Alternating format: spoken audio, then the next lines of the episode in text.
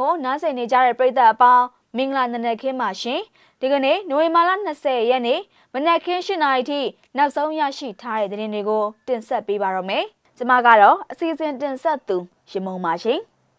ဦးဖြိုမင်းသိန်းထွက်ဆိုချက်ပေးတဲ့အမှုအတွက်ဒေါ်အောင်ဆန်းစုကြည်ရဲ့အင်ကူဒေါ်ဝေဝေတန်းကိုတတ်သိတင်သွင်းတော့မဲ့တဲ့သင်္ကန်းကျွန်းမြို့နယ်မှာပြစ်ခတ်မှုဖြစ်ပွားပြီးလူတအုပ်ကြီးထိမှန်ဒဏ်ရာရခဲ့တဲ့တဲ့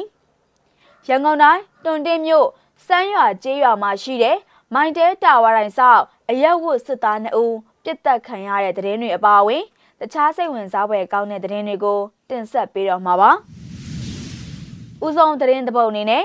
နိုင်ငံတော်ရဲ့အတိုင်ပင်ခံပုဂ္ဂိုလ်ဒေါ်အောင်ဆန်းစုကြည်ကိုဆွဲဆိုထားတဲ့အဂတိမှု၄မှုရှိတဲ့အနက်တမှုအတွက်သူမရဲ့အိမ်အကူဖြစ်သူဒေါ်ဝေဝေတန်းကို တက်တေထွက်ဆိုဖို့စင့်ခေါ်သွားမယ်လို့မနေ့ကတရားရုံးမှာဆုံးဖြတ်ချက်ချခဲ့ပါတယ်။အဲ့ဒီအိမ်အကူကိုတက်တေစင့်ခေါ်မယ်ဆိုတဲ့အမှုမှာရန်ကုန်တိုင်းဒေသကြီးဝင်ကြီးချုပ်ဦးဖြိုမင်းသိန်းကဒေါ်အောင်ဆန်းစုကြည်ကိုအကယ်ဒမီရွှေခုနှစ်ပိတ်တာနဲ့ American Dollar 6သိန်းပေးခဲ့ရတယ်ဆိုတဲ့အမှုအတွက်ပဲဖြစ်ပါတယ်။မနေ့ကစစ်ဆေးမှုကအဂတိမှုနှစ်မှုအတွက်လူပြသက်တွေကိုစစ်ဆေးတာအရန်ကြာတဲ့အတွက်ရုံးချိန်တစ်ချိန်ပြည့်စစ်ဆေးခဲ့ပါတယ်။ ဒေါအောင်ဆန်းစုကြည်ကိုဆွဲဆိုထားတဲ့ရာကြီးအမှုအမှတ်နှစ်အတွက်တပ်တွေတယောက်ထွက်ဆိုဖို့တရားရုံးကဆင့်ခေါ်ခဲ့တယ်။တရားလိုဘက်ကအေအကူလုံနေတဲ့ဒေါ်ဝေဝေတန်းကိုတပ်တွေတင်သွင်းပါတယ်။တရားသူကြီးကအစဉ်ပြေတဲ့အချိန်ကြရင်ဆင့်ခေါ်မယ်လို့ဆုံးဖြတ်ချက်ချရဲဆိုပြီးတရားရုံးနဲ့နှီးဆက်သူတို့ကမျက်စိမှကိုပြောကြားခဲ့တာပါ။စစ်ကောင်စီကဆွဲဆိုထားတဲ့အဂတိမှု၄မှုအတွက်ဒေါ်အောင်ဆန်းစုကြည်အပါအဝင်ဒေါက်တာမျိုးအောင် ဦးရဲမင်းဦးနဲ့ဦးမင်းသူတို့လေးဦးကိုနွေမာလာ19ရက်နေ့ကနေပြီးတော့ဇမူသရီမြို့နယ်အထူးတရားရုံးကိုရုံးထုတ်ခဲ့တာဖြစ်ပါတယ်။အဲ့ဒီနေ့ကရုံးထုတ်စစ်ဆေးမှုမှာအမှုအတွက်မန္တလေးတိုင်းဒေသကြီးတရားရုံးတရားသူကြီးဦးမြင့်စန်းထံမှကြားနာစစ်ဆေးခဲ့ကြတာပါ။တရားခွင်ကိုမနက်7:00နာရီခွဲမှာစတင်ခဲ့ပြီးတော့အဂတိမှုတမှုဖြစ်တဲ့ရာကြီးအမှုအမှတ်3မှာပါဝင်တဲ့ဒေါ်အောင်ဆန်းစုကြည် ဒေါက်တာမျိုးအောင်နဲ့ဦးမင်းသူတို့သုံးဦးကိုဆွဲဆိုထားတဲ့ဒေါခင်ကြီးဖောင်ဒေးရှင်းအတွက်ဥထရသီရီမြို့နယ်မြေဧက101ဧကနဲ့ပုပ္ပသီရီမြို့နယ်အတွင်းမြေဧက29ဧကချပေးထားတဲ့ဆိုတဲ့အမှုအတွက်နေပြီးတော့ဖွံ့ဖြိုးတိုးတက်ရေးကော်မတီအမြဲတမ်းအတွင်းဝင်ဦးမျိုးအောင်ကလိုပြသက်သေအဖြစ်စစ်ဆေးခံခဲ့ပါတယ်။မနေ့ကရုံးချိန်မှာတော့ဒေါ်အောင်ဆန်းစုကြည်အပေါ် အဂတိလိုက်စားမှုနဲ့ထပ်မံဆွဲဆိုထားတဲ့အမှုတစ်ခုမှာဇပူသီရိမြို့နယ်အထူးတရားရုံးကိုထပ်မံရောက်ရှိလာပြီးဖြစ်ကြောင်းတရားသူကြီးကအသိပေးပြောကြားခဲ့ပါတယ်။အဲ့ဒီအမှုမှာရန်ကုန်မြို့တက္ကသိုလ်ရိပ်သာလမ်းမှာရှိတဲ့ချန်အမတ်60ကိုဒေါခင်ကြီးဖောင်ဒေးရှင်းရုံးခန်းအတွက်ကာလာပေါက်စိတ်ထက်လျှော့ချငားရမ်းခဲ့တယ်ဆိုတော့ဆွဲဆိုထားတဲ့အမှုတစ်ခုဖြစ်ပြီးတော့လက်ရှိမှာတော့ဒေါအောင်ဆန်းစုကြည်အနေနဲ့အဂတိမှု၄မှုနဲ့တရားရင်ဆိုင်နေရရမှာ တမှုထက်တိုးလာတဲ့အတွက်ငားမှုကိုရင်ဆိုင်သွားရမှာပါအဲ့ဒီမှုကိုစတင်စစ်ဆေးဖို့အတွက်ဒီဇင်ဘာလ3ရက်နေ့ကိုထပ်မံချင်းဆိုထားတာပဲဖြစ်ပါတယ်ရှင်သင်္ကန်းကျွန်းမြို့နယ်မှာပြစ်ခတ်မှုတွေဖြစ်ပွားခဲ့ပြီးလူတအုပ်ကြည်ထိမှန်ဒဏ်ရာရခဲ့ပါတယ်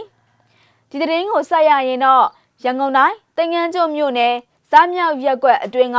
မိုးမခလမ်းမှာ မနေ့ကည8နာရီအချိန်ကပြစ်ခတ်မှုဖြစ်ပွားခဲ့ပြီးတအူးကြည်ထိမှန်ဒဏ်ရာရရှိသွားတယ်လို့ဒေသခံတွေကပြောပါတယ်။လမ်းထဲကိုကားနှစ်စီးမောင်းလာချိန်မှာအရှိကကားကလမ်းဆောင်ရောက်တော့ရက်ပြီးပြစ်တာနောက်ကားကကားမောင်းတဲ့သူကိုထိသွားပါတယ်။ပြစ်ခံရတဲ့ကားပေါ်ကနှစ်ယောက်လုံးကိုဖမ်းသွားတယ်။အတိအပြောက်တော့မသိရသေးဘူးလို့မျက်မြင်တွေ့လိုက်ရတဲ့ဒေသခံတအူးကပြောပါတယ်။ပြစ်ခတ်မှုကြောင့်ကြည်ထိမှန်သူတအူးနဲ့ကားပေါ်ပါလာသူတအူးကိုဖမ်းဆီးခေါ်ဆောင်သွားတယ်လို့ဆိုပါတယ်။ ပြစ်ခတ်မှုဖြစ်စဉ်အသေးစိတ်နဲ့ထိခိုက်ဒဏ်ရာရရှိမှုအခြေအနေကိုတော့သိချအသိမပြုနိုင်သေးတာပါအဲ့ဒီပြစ်ခတ်မှုမှာလူနှုတ်စီးနင်းလာတဲ့ကားကိုစစ်ကောင်စီတပ်ဖွဲ့ဝင်တွေက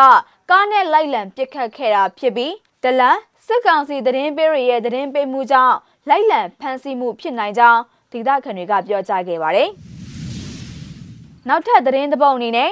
ရန်ကုန်တိုင်းတွန်တင်းမြို့စမ်းရွာကျေးရွာမှာရှိတဲ့မိုင်တဲတာဝါတိုင်းဆောင် အရက်ဝတ်စစ်သား2ဦးပြစ်တက်ခံလိုက်ရတဲ့သတင်းကိုတင်ဆက်ပေးပါမယ်။ရန်ကုန်တိုင်းတွန်တင်းမြို့စမ်းရွာကျေးရွာမှာရှိတဲ့မိုင်တဲတာဝါတိုင်းဆောင်အရက်ဝတ်စစ်သား2ဦးကိုမနေ့ကနိုဝင်ဘာလ19ရက်နေ့ညနေ4နာရီဝန်းကျင်မှာတသူတို့နှစ်ယောက်ဆိုင်ကယ်စီးနေချိန်မှာပြစ်တက်ခံရတာဖြစ်ပြီးတည်ဆုံးသွားပြီလို့ဒေသကာကွယ်ရေးတပ်ထံကနေတဆင့်သိရပါတယ်။အဲ့ဒီပြစ်ခတ်မှုကို PDF တွန်တေးကလွတ်ဆောင်ခဲ့တာဖြစ်တယ်လို့ PDF တွန်တေးကကြေညာချက်ထုတ်ပြန်ထားတာပါ။ ငါတို့ပြန်လာတဲ့ချို့အဖမ်းခံရပေမဲ့အတောင်ကျိုးရင်တော့ရအောင်ပြန်မယ်။စစ်အာဏာရှင်တွေတင်မင်းကကြုံနေပြီးအရေးတော်ပေါ်မူးချအောင်နေပြီလို့ PDF တွန်တေးရဲ့ထုတ်ပြန်ချက်မှာရေးသားထားပါတယ်။ပြစ်ခတ်မှုဖြစ်ပွားပြီးတဲ့နောက်မှာတော့စစ်ကောင်စီတပ်သားတွေရောက်ရှိလာပြီးတော့စစ်ဆေးမှုတွေပြုလုပ်ခဲ့တယ်လို့ဒေသခံတွေကပြောကြားခဲ့ပါတယ်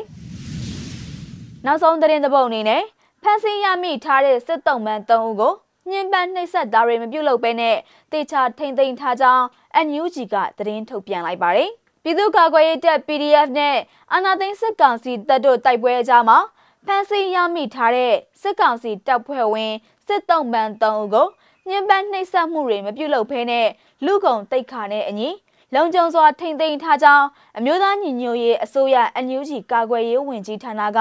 မနေ့ကနိုဝင်ဘာလ19ရက်နေ့မှာသတင်းထုတ်ပြန်ပါတယ်။ အဲ့ဒီစစ်တုံးမှန်တွေနဲ့ပတ်သက်ပြီးတော့အပြည်ပြည်ဆိုင်ရာကြက်ချင်ဤအဖွဲ့ ICRC ကိုဆက်သွယ်အကြောင်းကြားသွားမည်ဖြစ်ကြောင်းလည်း NUG ရဲ့ထုတ်ပြန်ချက်မှာရေးသားဖော်ပြထားတာပါ။ပြည်သူတွေပေါ်ဖမ်းဆီးတပ်ဖြတ်ပြီးတော့အကြမ်းဖက်မှုလုပ်ရက်ကိုကျူးလွန်နေတဲ့အာဏာသိမ်းစစ်ကောင်စီကိုခုခံတော်လှန်မှုအတွက်ဒီဒေးစတင်ပြီးဖြစ်ကြောင်း NUG အစိုးရကပြီးခဲ့တဲ့စက်တင်ဘာလ9ရက်နေ့မှာကြေညာပြီးတဲ့နောက်မှာတော့ပြည်သူခုခံတွန်းလှန်စစ်ကို တနင်္ဂနွေလုံးအတိုင်းအတာနဲ့စစ်နွဲလျက်ရှိနေတာပါ။